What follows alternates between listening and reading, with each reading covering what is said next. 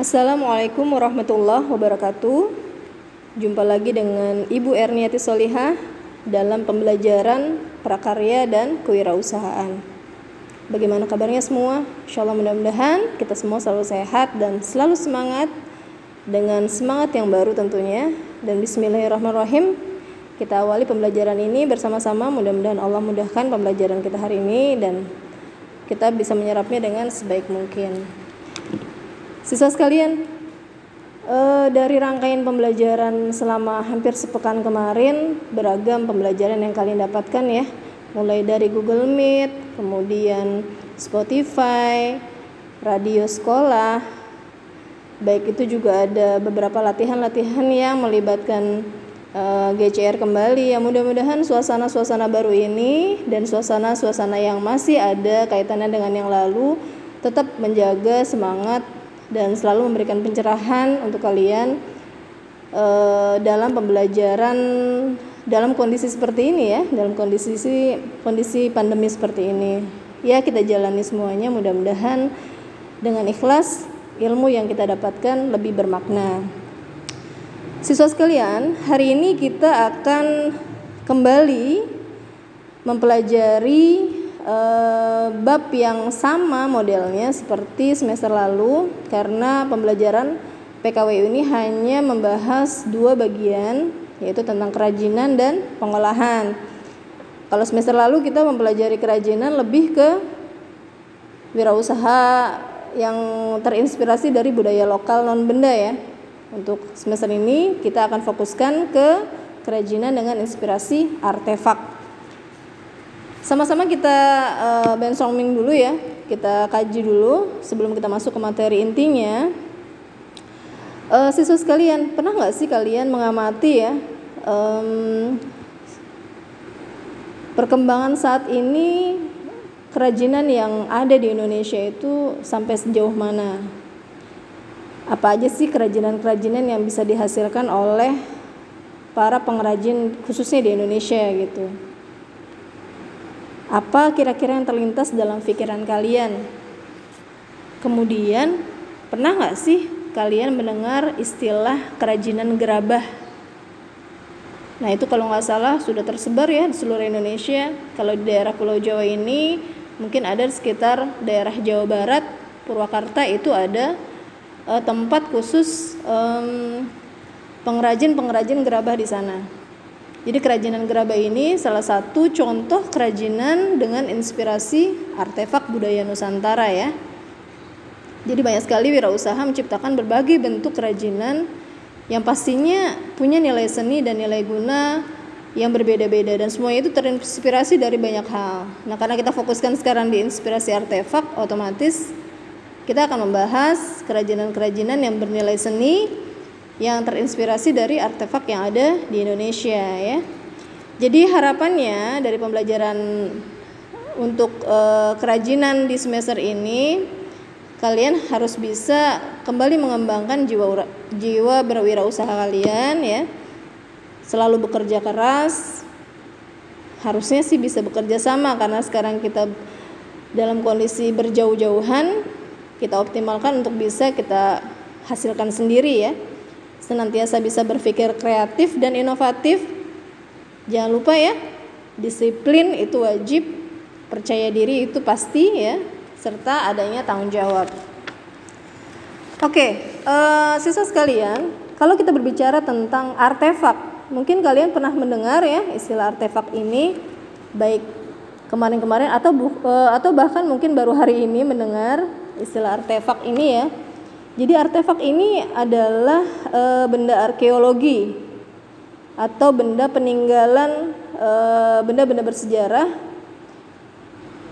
Dan artefak ini adalah benda yang dibuat dan dimodifikasi oleh manusia.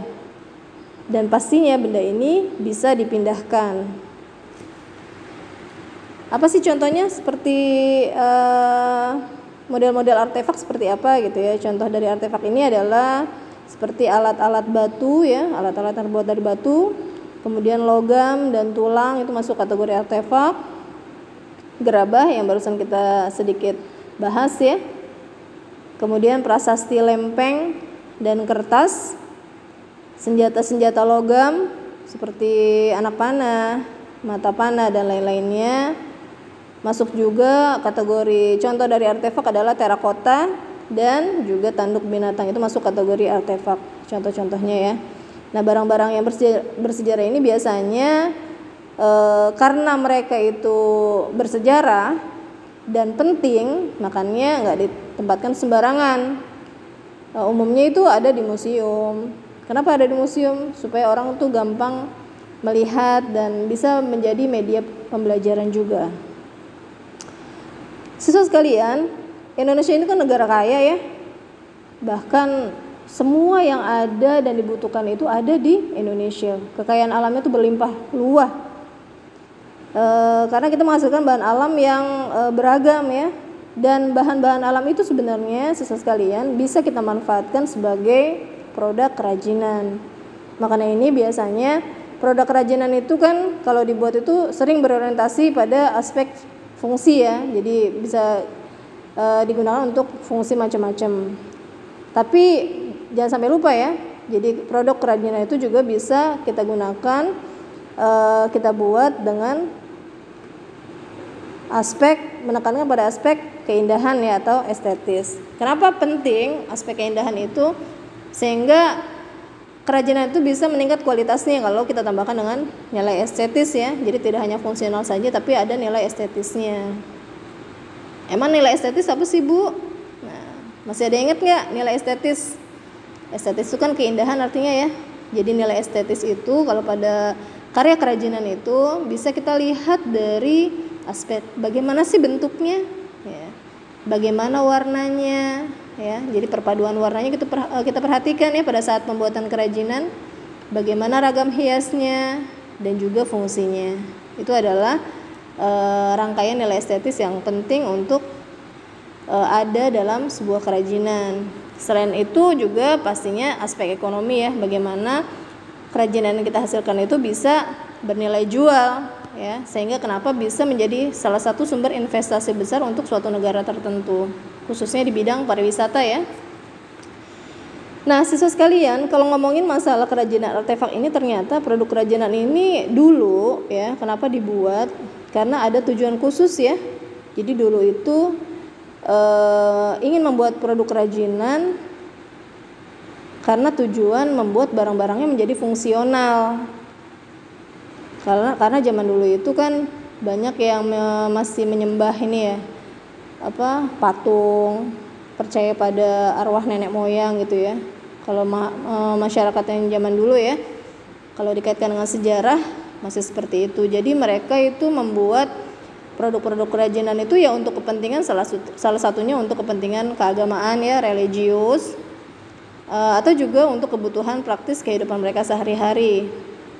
Contoh misalnya produk kerajinan pada zaman batu seperti artefak-artefak kapak ya perkakas. Itu zaman dulu banyak digunakan baik itu untuk kebutuhan mereka ya sehari-hari misalnya Eh, perkakas ya untuk hari-hari ya kapak misalnya untuk apa e, membelah batu membuat rumah gitu ya. Kemudian pada zaman logam itu juga eh, artefak-artefak yang bisa dihasilkan itu dulu ada nekara moko candrasa kapak bejana hingga perhiasan seperti gelang kalung dan juga cincin. Nah itu ya zaman dulu ya biasa digunakan untuk ritual kepercayaan dan penghormatan pada arwah nenek moyang. Tapi itu tidak boleh enak ya. Karena itu kalau dalam Islam karena sekarang sudah masuk Islam ya uh, sudah ada perkembangan dari para pedagang-pedagang yang menyebarkan Islam akhirnya itu uh, kebudayaan-kebudayaan seperti itu sudah tidak dibolehkan ya karena kan masuk kategori apa? Musyrik ya tidak boleh. Ya jadi kita hanya sebagai pengetahuan yang penting paham saja ya tahu tentang perkembangan zaman dulu. Nah bagaimana sih dengan perkembangan saat ini gitu? Ternyata perkembangan saat ini ya sesuai dengan perkembangan zaman yang ada ya jadi konsep kerajinannya juga berkembang terus. Dan terus akan berubah mengikuti gerak laju perkembangan zaman jadi pembuatan karya kerajinannya itu yang awalnya mungkin fungsional sekarang berkembang ya berorientasi dengan begitu menekankan pada nilai keindahan karena orang akan tertarik dengan suatu kerajinan kalau memang kerajinan itu menarik dan indah. Nah, jadi kerajinan yang tumbuh di Indonesia itu makin beragam ya. Ya mudah-mudahan ini bisa sedikit menginspirasi kalian pada saat nanti kalian akan mendapatkan tugas untuk membuat e, kerajinan dengan inspirasi ya, inspirasi artefak yang sudah dijelaskan barusan dengan Ibu. Nah, siswa sekalian, ya, ternyata nanti eh, ada beberapa hal yang perlu kita perhatikan pada saat memang kita ingin lebih dalam eh, mempersiapkan perencanaan-perencanaan untuk pembuatan kerajinan dengan inspirasi artefak ini. Dan ide-ide itu sangat dibutuhkan, makanya ide dan peluang usaha apa sih kira-kira untuk khususnya untuk eh, kerajinan artefak ini yang harus diperhatikan? Karena semua itu kan e, harus dikembangkan ya. Khususnya ide itu harus terus dikembangkan supaya e, mendapatkan hasil yang baik. Khususnya bagi wirausaha yang memang ingin usahanya terus maju dia akan terus mengembangkan itu nah di sini ada beberapa macam ide-ide yang harus dikembangkan khususnya bagi kita yang pemula ya dan bisa menjadi inspirasi juga bagi uh, para wirausaha yang memang sudah menjalankan usahanya selama ini. Yang pertama itu adalah ide dalam pembuatan produk kerajinan yang diminati konsumen. Jadi itu ide seperti itu harus kita perhatikan karena dalam pembuatan produk kerajinan kita harus melihat bagaimana pangsa pasar ya. Bagaimana sih kemampuan atau keinginan konsumen di pasar dalam uh, merespon kerajinan-kerajinan yang dihasilkan. Apakah minatnya makin meningkat atau malah makin menurun? Nah, itu bisa menjadi bahan evaluasi ya. Yang kedua ada yang kedua itu adalah ide dalam pembuatan produk kerajinan yang dapat memenangkan persaingan. Nah, dalam proses eh, pemasaran dari produk kerajinan yang dihasilkan, pastinya persaingan antar eh, pengrajin itu pasti ada. Tapi bagaimana kita bisa menyikapi persaingan yang sehat antara satu dengan yang lainnya. Jadi itu dibutuhkan sekali ide ya, e, khususnya dalam pembuatan produk kerajinan ini.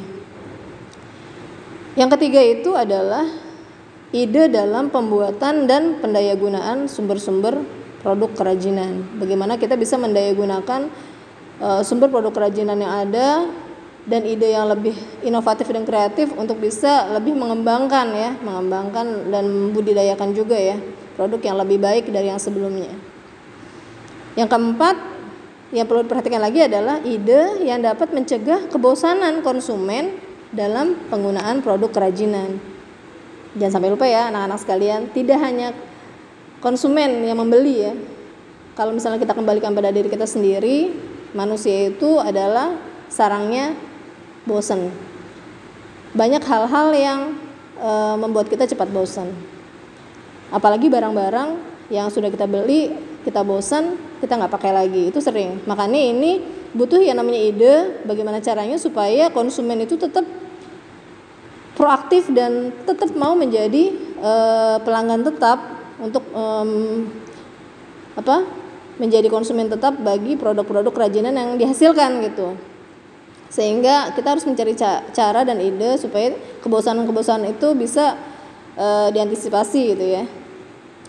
Kemudian yang terakhir itu adalah ide dalam pembuatan desain, model, corak dan juga warna dari produk kerajinan yang kita buat. Bagaimana kita bisa menghasilkan produk-produk dengan desain yang e, disukai konsumen, model-model dan corak termasuk warna ya, perpaduan warna yang memang kira-kira menarik minat konsumen untuk membeli.